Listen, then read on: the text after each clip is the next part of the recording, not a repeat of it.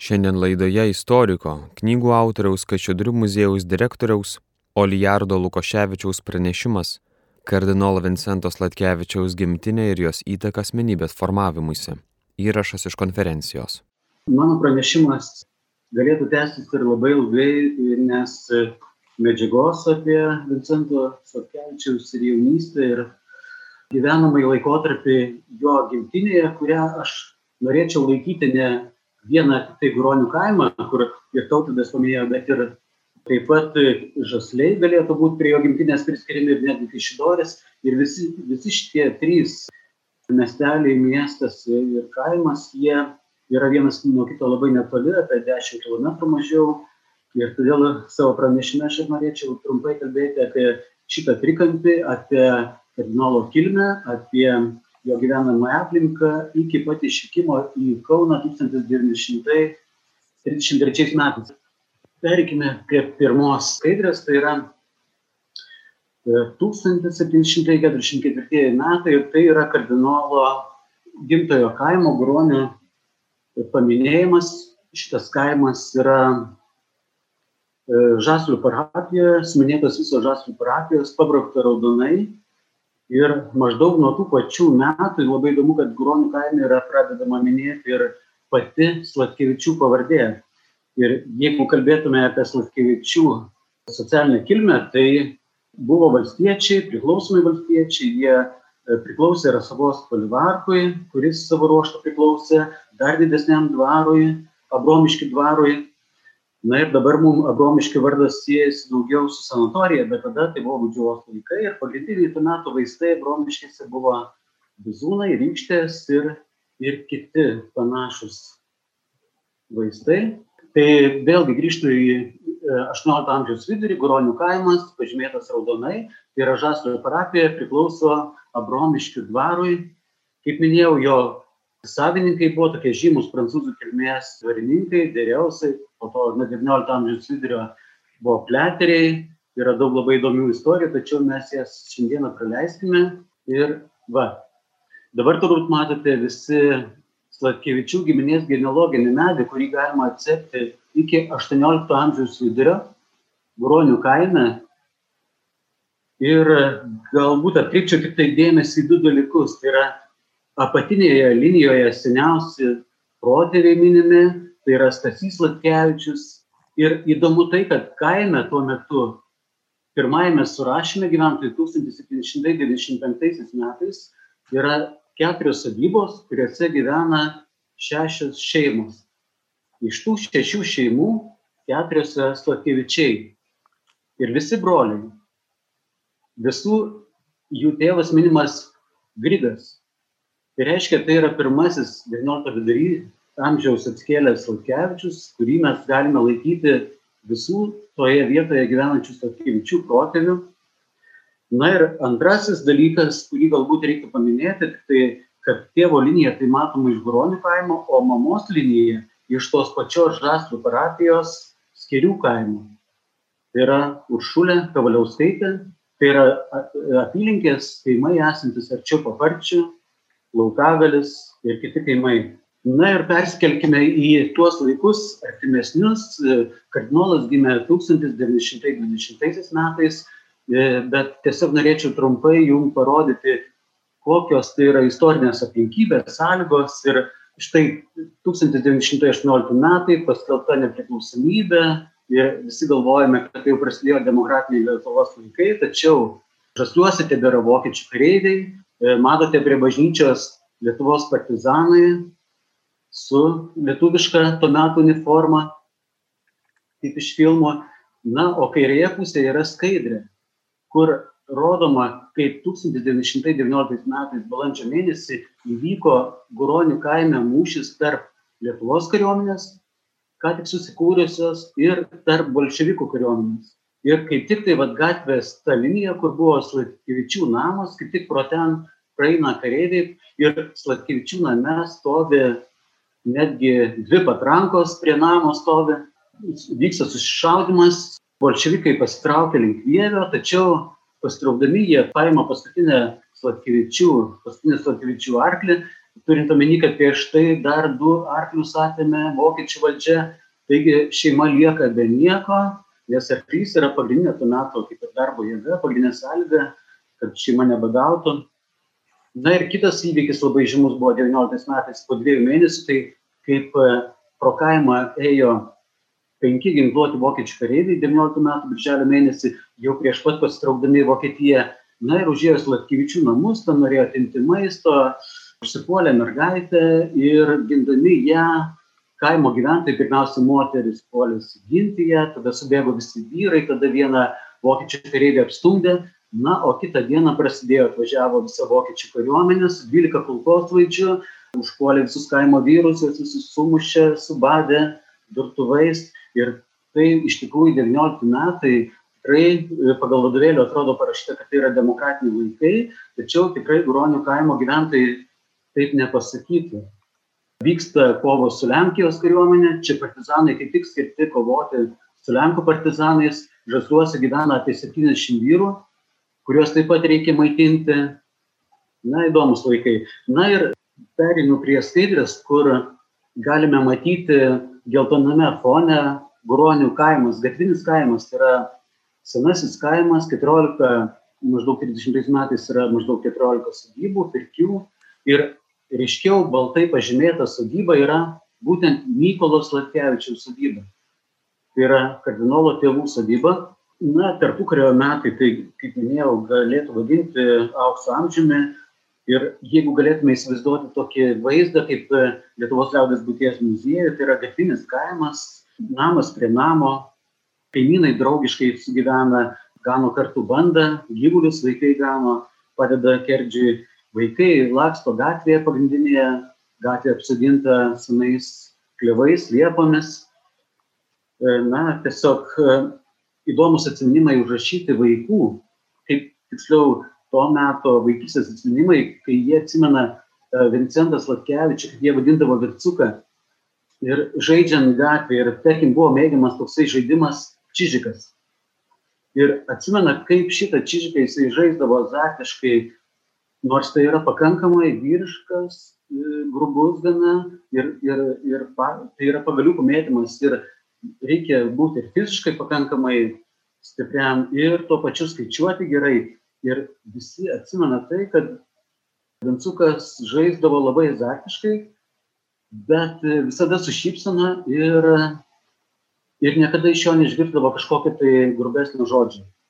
O dabar, jeigu kalbėti apie Mykolos Otkevičiaus jo ūkį, kokį mes matome, tai jis turėjo apie 10 hektarų žemės maždaug ir kiek dviejų galų, bet tame kaime jį galima būtų laikyti vienu, e, nebuvo pats turtingiausias, tačiau vienas šviesesnių ir toks labiau prižiūrėtų sodybų, kadangi nežiūrint to, kad sodyba buvo šiaudinė kaip ir daugelio kitų, bet vienintelė visame kaime turėjo medinės grindis. Ir dėl to tame, tame name, kai būdavo gegužinės pamaldos kiekvieną dieną, būtent tame name buvo rengiamos gegužinės pamaldos, mama gėdodavo ir kardinolas, aš kaip būdamas mažas taip pat gėdodavo, jisai vengdavo tokių jaunimo susibūrimų, tačiau visada būdavo ten, kur yra gėdama, kur giesmės, kur... Na, bet atsitinka nelaimė, Mykolas Latkevičius 29 metais miršta ir nuo tada mama viena augina penkis vaikus, vyriausia sūnų Joną ruošia ūkininkauti, dukras moko šeimininkauti, austi, verpti, na, o Vincukas yra leidžiamas mokytis, vienintelis iš šeimos. Na ir tada norėčiau parodyti iš Guronių kaimo, kokie yra du keliai pagrindiniai, kuriais keliais jisai keliauja. Tai yra į dešinę maždaug vienas kilometras, į Žaslį geležinkelio stotį, kur yra mokykla. Ir kitas jo kelias yra į šiaurę, palei Žaslį ežerą, apie 4 km į bažnyčią. Čia e, tai, ką mes matome, tai nueina į dešinę. Tai yra mokykla, tai yra maždaug kaip atrodė, tai yra Žastų mokyklos nuotrauka, tačiau panašiai atrodė ir Pajautiškių vadinama mokykla buvo. Fotografija yra Stefanijos Paulovičiūtės. Tai yra jo pirmoji mokytoja, kuri ragino mokytis. Labai svarbu pažymėti, kad e, mokykla buvo dar tuo metu neprivaloma ir ją lankė tik tai tie, kurie labai norėjo mokytis. pradžios mokyklą jis lankė maždaug nuo 1927 metų iki 31 metų. Na, čia viena iš nedaugelio nuotraukų vaikystės greičiausiai fotografuota būtent toje vietoje, Žaslių geležinkelio stotyje arba Gruonise, kur susirinkę vaikai ir apibriešta raudonai ratukas, kur matome Vincentas Lukievičius. Ir vėlgi atsiminimai apie jį liūdė mokykloje, kad na, jis nebuvo iš stipriausių, nebuvo aukštas, bet jis visada būdavo reikalingas dėl to, kad labai gerai mokėsi. Ir ypatingai gerai mokėjo matematiką. Na ir aišku, kaimo mergaitės atsimena, kad bėgdavo pirmos prie jo su prašymu, Vincukai padėk. Ir aišku, padėdavo. Na ir tada kita nuotrauka, kur matome kelią palei ežerą 4 km žaslius į bažnyčią. Galime įsivaizduoti, kiek žasų parapijoje žmonių, tai yra apie 10 tūkstančių žmonių visoje parapijoje. Įdomu tai, kad e, ir labai svarbu žinoti, turbūt kalbant apie kardinolo vaikystę, kad kardinolo mama buvo labai labai kukli, labai pamaldi moteris ir matote baltas kareles bažnyčioje kairėje pusėje. Vieną kartą, vieną dieną įgrįžus iš bažnyčios labai susirūpinasi, labai liūdna ir jos klausia, kas atsitiko o ji pasirodo užsidėjo tą dieną naują gražią skarelę, spalvotą, ir visos moteris ėjo prie jos ir gyrė jos skarelę. O jinai taip visada norėdavo likti nuošalyje, nepastebima, ir dėl to grįžo namo šiek tiek nuliūdusi. Kitas žmogus, be mamos, kuris turėjo didžiulę įtaką kardinolo vaikystėje, tai yra kunigas Matas Cinaitis. Jeigu iš mamos, tai Vincentas Lokevičius išmoko jau penkių metų mokėjo giesmės gėdoti, jį kai dirbdavo, rodėdavo, jis kartu būdavo, jie gėdodavo. Na, o Žaslių bažnyčioje kanauninkas Matas Cinaitis buvo be galo autoritetingas žmogus ir matote jo povizą, tai buvo labai tvirtas žmogus fiziškai. Įsivaizduokite, jeigu pasakojama, kad jisai galėjo rankomis pasakas lankstyti. Jisai e, pirmąją komuniją su, su juo susijusi, taip pat jis rėmė Vincentas Latkevičių, kuomet šis pasirinko studijuoti seminariją, jisai didžiavosi ne vienu seminaristu, turėjo, na ir dešinėje matote 1933 metų proga, tai yra Kristaus mirties 1900 metų proga pastatyta koplytėlė, kuri ir dabar tebestovi pasakyta 34 metais. Tačiau dabar, kalbant apie tai, kas turėjo įtaką Vincentos Lokevičiaus gyvenimui iš vaikystės laikų, aš norėčiau kalbėti apie pasirinkimus, kuo jisai galėjo būti, galbūt kažkuo kitu negu buvo. Na ir kairėje matote vyrai, vyrukai, tai yra jaunalietuviai buvo didžiulė konfrontacija, jeigu ankstesniais laikais, tai tarp lietuvių lenkų, kokia kalba kalbėti bažnyčioje. Ypatingai žasliuose, netgi kartais prieidavo iki muštynių. Tačiau, kada susikūrė Lietuvos Respublika ir lietuvių kalba buvo tvirtinta kaip lietuvių kalba, tai be abejo ta kova su Lenkais tokia arši baigėsi, bet prasidėjo kova tarp patriotinių organizacijų ir tarp e, katalikiškų organizacijų. Ir štai matote, mokti, jeigu mokytas jaunas ir vyras, tai jis dažniausiai priklauso patriotiniam organizacijom, šaliam jauna lietuviam, o jeigu mokytoja yra moteris vyresnė, ji dažniausiai dirba su katalikiškom organizacijom, su vaikais, moko religijos.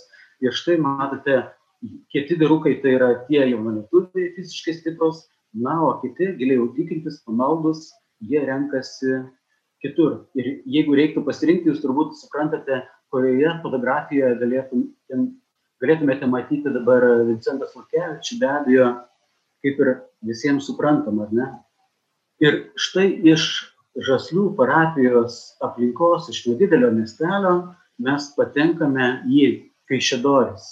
Ir Kaišėdoris, ko gero, jo gyvenime suvaidino e, taip pat didžiulę įtaką, kadangi vėlgi, jeigu kalbėt apie pasirinkimus, apie tuo metu egzistavimus didžiulius socialinius, politinius, kultūrinius prieštaravimus ir įtampas, tai ką mes matome, 31 metais Latkevičius atvyksta mokytis į Kaišidrių vidurinę mokyklą, tai yra keturios klasės, dar nėra gimnazija. Ir kaip tik 1930 metais švietimo ministerija priima sprendimą, kad mokyklose gali veikti tik skautų organizacija. Reiškia, kitos organizacijos gali veikti, bet turi veikti ne mokykloje. Na, matyt, norėta, kad sumažinti visuomenėje ir e, tokį buvusi susiskaldimą, konfliktiškumą, tačiau galima pastebėti, kad rezultatas ko gero išėjo priešingas. Ir ko gero galima pasakyti, kad išaugo visų religijų, atsiprašau, ir religinių organizacijų, prasme, aktyvumas ir kitų organizacijų aktyvumas.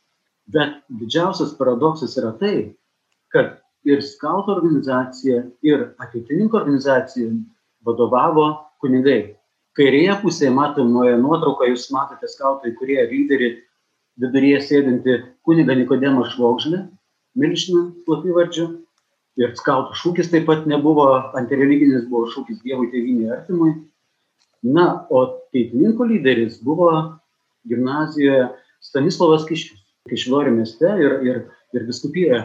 Ir e, paradoksaliausia buvo ne tik tai, kad jie abu buvo kunigai, bet ir tai, kad jie abu dirbo viskupijos kurijoje.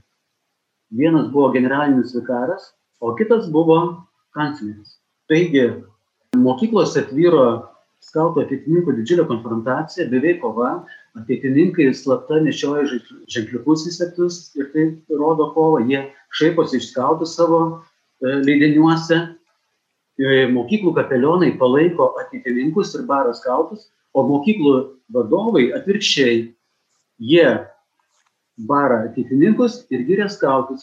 Na, o kas kenčia toje kovoje, aišku, mokinių pažymiai ir elgesys.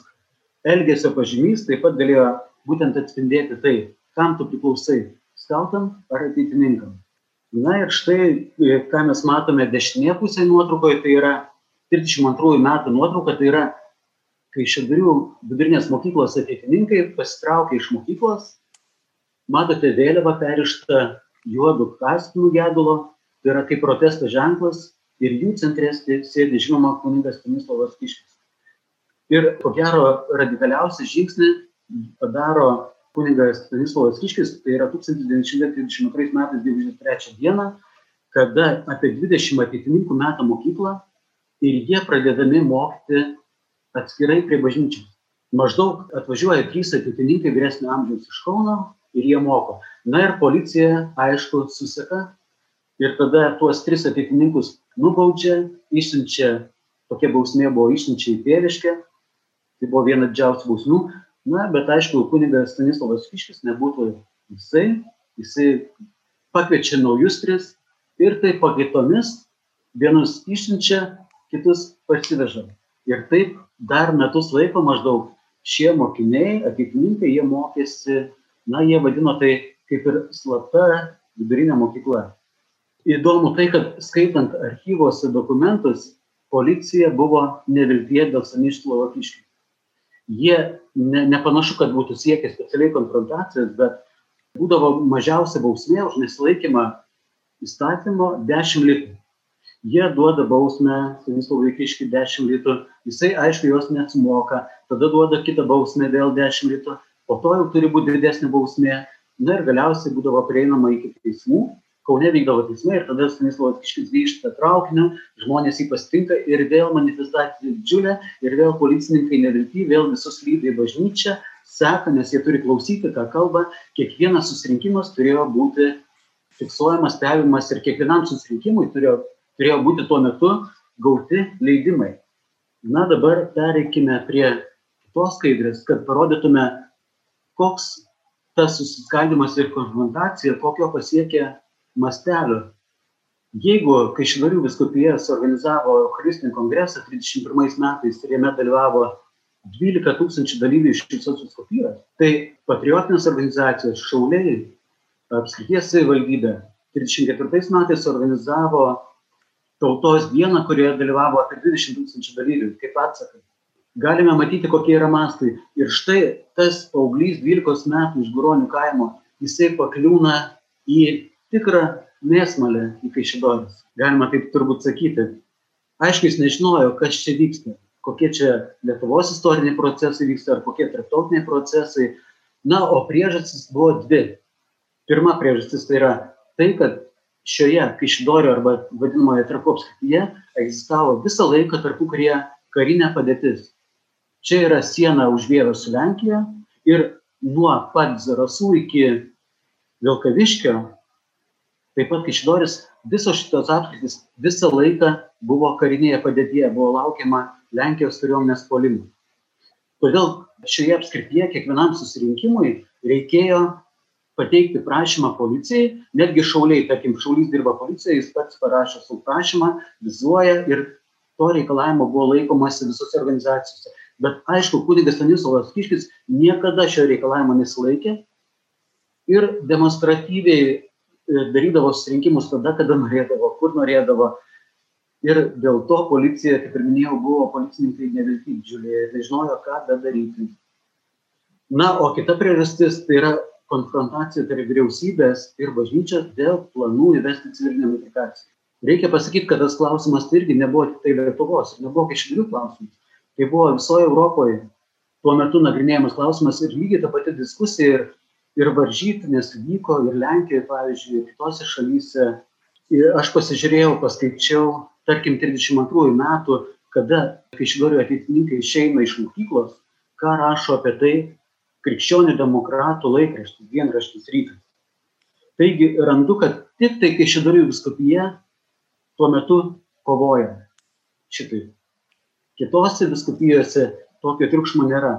Pavyzdžiui, rašoma apie tai, kaip Kaišėdorių ateitininkai protestuoja, išeina, kaip vyriausybė sustabdo algų mokėjimą Kaišėdorių viskupijai, kadangi tuo metu buvo mokami kunigai kunigam, netgi vikaram, viskupam, vyskupas, tarkim, gaudavo apie tūkstantį litų algos ir vyriausybė kaip spaudimo priemonė už va tokių įstatymų nesilaikymą, kai Šidorių viskupija bausdavo sustabdydama algas. Na ir tada kunigas Kiškis vėl nurimdavo, vėl apsiramindavo, bet galiausiai, matyti, šita situacija buvo kažkiek išdrysė nuraminta, kai išdrysė dirbo kunigas Vincas Lavinas, kuris tarnavo užaugęs Amerikoje jis tarnavo kaip tarpininkas tarp vyskupijos ir apskrities valdžios ir galų gale maždaug 34 metais santykiai jaučiasi, kad yra atšilę, kad nebėra tos konfrontacijos, bet aš kaip minėjau, kad e, paauglys iš Guronių kaimo netikėtai pakliuvo į tokias istorinės aplinkybės, kurios jį užgrūdino. Pavyzdžiui, kada vykdavo policininko apklausa, jis žinojo, kaip neišduoti, ką galima sakyti, ko negalima policininkui sakyti ir panašiai na ir čia matome vieną iš nedaugelio fotografijų kuriose kurioje užfiksuotas vincentas Lukevičius. Ir paskutinėje savo skaidrėje aš norėčiau parodyti jo atestatą ir baigdamas pasakyti, kad apibendrinant tokį tarsi 13 mečio kelią nuo Guronių kaimo per Žaslus, per audringą Kešidarių laikotarpį, kad 33 e, metų rudenį jisai persikėlė į labai ramų miestą palyginus su Kaišlorėmis į Kauną, į Jėzuitų gimnaziją, kur Vincentas Latkevičius gali atsidėti mokslam ir matome jo gerus labai pažymius dešinėje, dauguma dalykų yra labai gerai įvertinti. Na ir apibendrinama savo pranešimą drįščiau teikti, kad Vincentas Latkevičius lydėjusi konfrontaciją Kaišlorys ir šiek tiek žasliuose, tai ir patriotinių organizacijų ir katalikiškų organizacijų, jam buvo tarsi draugiškos varžybos kaip treniruotė, kuri paruošė jį sovietmečio laikotarpiu, kai vyko ne varžybos, o gatvės kovos be taisyklių. Ačiū visiems uždėmesi. Ačiū Jums, Olijardai. Ačiū už iš tikrųjų labai detalę ir tuo žavę prezentaciją. Norėčiau Jums užduoti vieną klausimą. Ir visgi, jeigu reiktų dabar išryškinti vaikystės vat šitos įvykius su, kaip jūsų nuomonė, kuris visgi būtų pats svarbiausias, ar ta konkurencija, ar tas tarpusavio organizacijų, ar galbūt dar ankstyvesnės dienos, į ką jūs atkreiptumėt dėmesį, kalbėdamas apie asmenybę, kur visgi kas buvo svarbiausia iš to ankstyvojo laikotarpio? Na, aš vis tik tai iš tikrųjų, kai įsigilinau šiuo metu į į paties jo, jo gyvenimo vaikystę yra nemažai liudijimų, koks jis buvo vaikystėje, koks jis buvo tolimesniam gyvenime, dauguma yra žino, matę ir, ir patyrę gyvenime. Aišku, didžiulė įtaka šeimos, ypatingai mamos.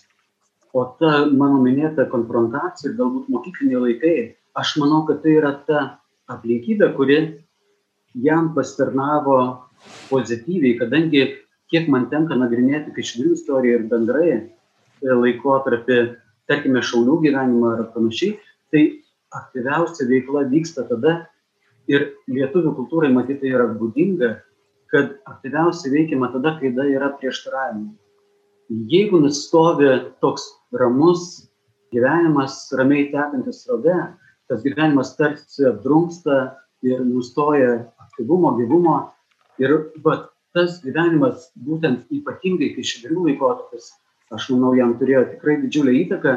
Ir visada, e, kiek man yra tekę skaityti jo atsiminimo, jau e, tapus kardinolu, jis visada labai vertindavo savo vaikystės laikotarpį Guronis ir įleistas šaknis ir taip pat minėdavo Kaišėdoris, kur jisai stovėjo kaip ateitininkas ir ši, šitas laikotarpis iki 13 metų jam, aš suprantu, buvo įsirėžęs visam gyvenimui ir jis jo nepamiršo visą gyvenimą ir visada minėdavo gilias šaknis.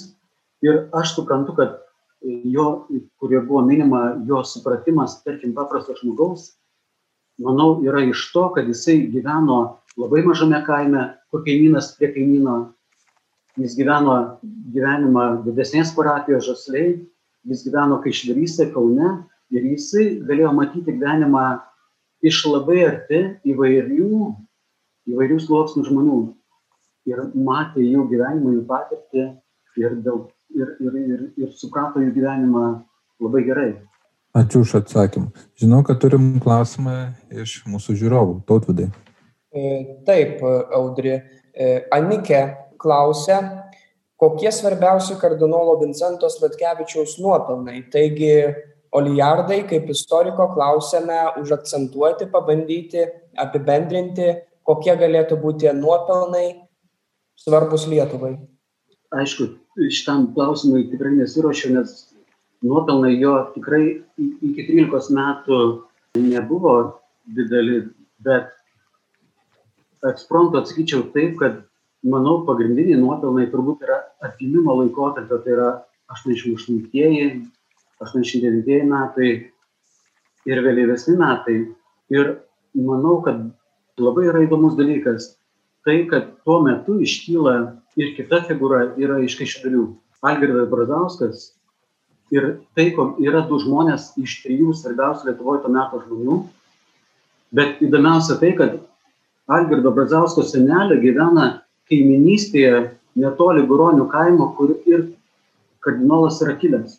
Po to jie gyvena 88-9 metai kaiminystėje Kaišėdaryse ir Algirdas Brazauskas mini, kaip jisai ateina, būdamas pirmoji partijos sekretoriumi, ateina pas kardinolą ir jie bendrauja, jisai gauna jam vaistų, importinių, e, padeda jų bendravimas O Lietuvoje, juk atsiminkime, tuo metu yra didžiulis susipriešinimas ir aš manau, kad būtent tas asmeninis ryšys kardinolo Vincentos Latkevičiaus ir kaip kaimyno Algirdo Brazausko, kad tas jų ryšys ir asmeninis ryšys, ko gero persidavė ir atgimimo laikotarpį 88-89 metam ir turėjo tikrai nemažą įtaką tuo metu visuomenės sutaikymui.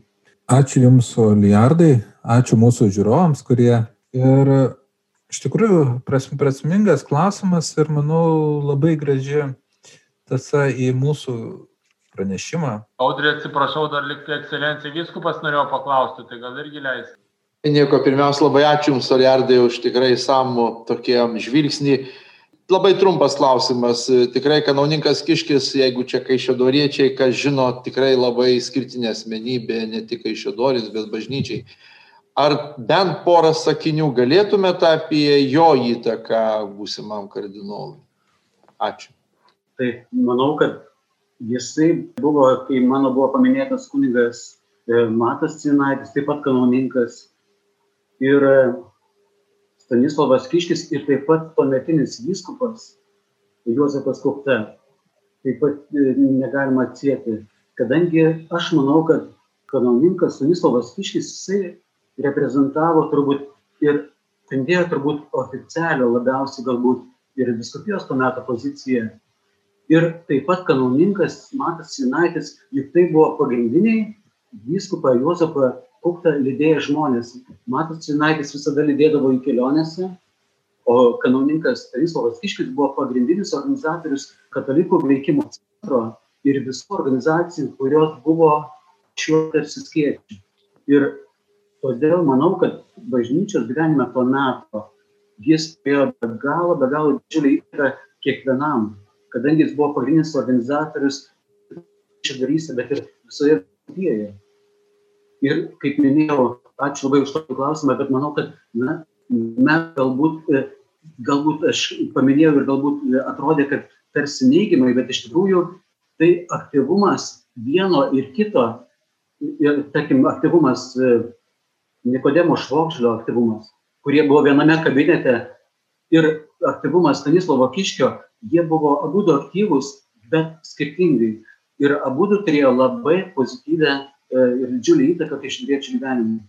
Šioje laidoje klausėmės įrašo iš konferencijos, kurioje kalbėjo istorikas, knygų autorius, Kaišėdrių muziejaus direktorius Olijardas Lukaševičius. Kalbėjo tema kardinolo Vincento Slatkevičiaus gimtinė ir jos įtaka asmenybės formavimuisi. Likite su Marijos radiju.